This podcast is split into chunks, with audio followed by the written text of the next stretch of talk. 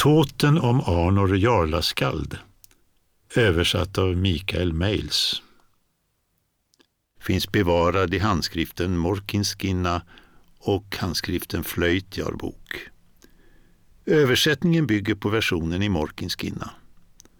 Arnor är en av de mest kända skalderna från Magnus Olavssons och Harald Hårdrådes gemensamma regeringstid. Här balanserar den isländske skalden med sin konst mellan två maktfulla herrar.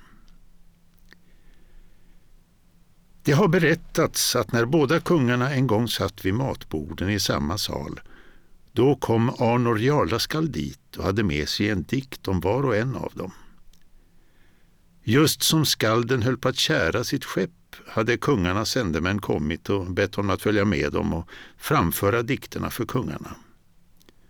Han begav sig genast dit och skrapade inte ens av sig käran. När han kom till salen sa han till dörrvakterna Ge plats för kungarnas skald.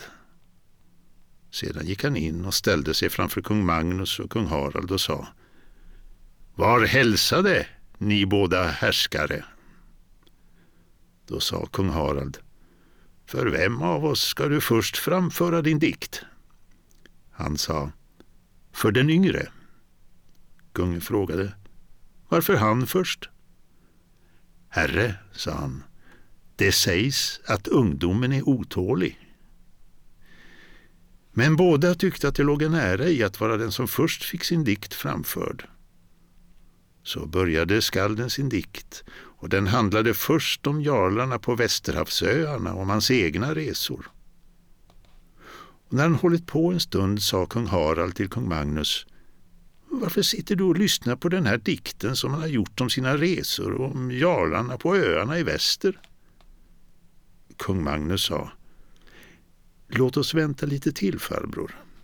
Innan dikten är slut tror jag att du kommer att tycka att jag blivit allt för mycket lovordad.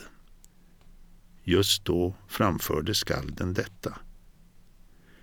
Magnus, hör ett mäktigt kväde. Av människor är du den främste. I smidig dikt vill jag berätta om ditt mod, du Jutars furste. För Hordaland en stridbar konung, högt över andra furstar står du, må din välgång överträffa var och en tills himlen rämnar. Då sa kung Harald Lovprisa denna kung som du vill, men tala inte illa om andra kungar. Nu fortsatte skalden att framföra dikten och han kom till dessa två strofer. Du vet att pröva skeppens styrka mot vind och storm på öppna havet. Du slösar guld på dina mannar och sover i ett nedstängt båttält. Min käre vän, så snabb som höken, du seglar på den stolta Visund, högrest i stäven. Inget fartyg har burit på en bättre konung.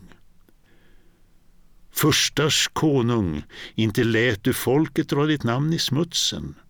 Du straffar tjuvar hårt och flyr ej stål och eld i kampens hetta.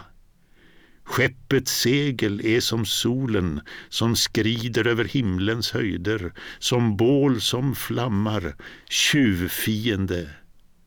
Ditt fartyg prisas högt av skalden. Då föll Harald in.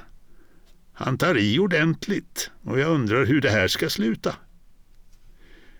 När förstens fartyg plöjer havets fält då verkar det för männen som om himlens kung sänt änglaskaror att korsa vågorna med honom. Jag hör att folket älskar dessa havets män så starkt att bara Gud är den de håller högre. Din hird ska aldrig gå i glömska. Och när dikten var slut övergick skalden till Haralds dikt som heter Blaglagladrapa eller De svarta gåsungarnas drapa. Och det är ett utmärkt kväde.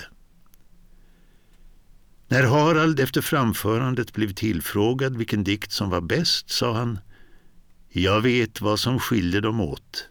Min dikt kommer snabbt att bli glömd medan Magnus lovdikt kommer att framföras så länge länderna i norr är bebyggda. Kung Harald gav skalden ett guldinlagt spjut medan kung Magnus gav honom en guldring.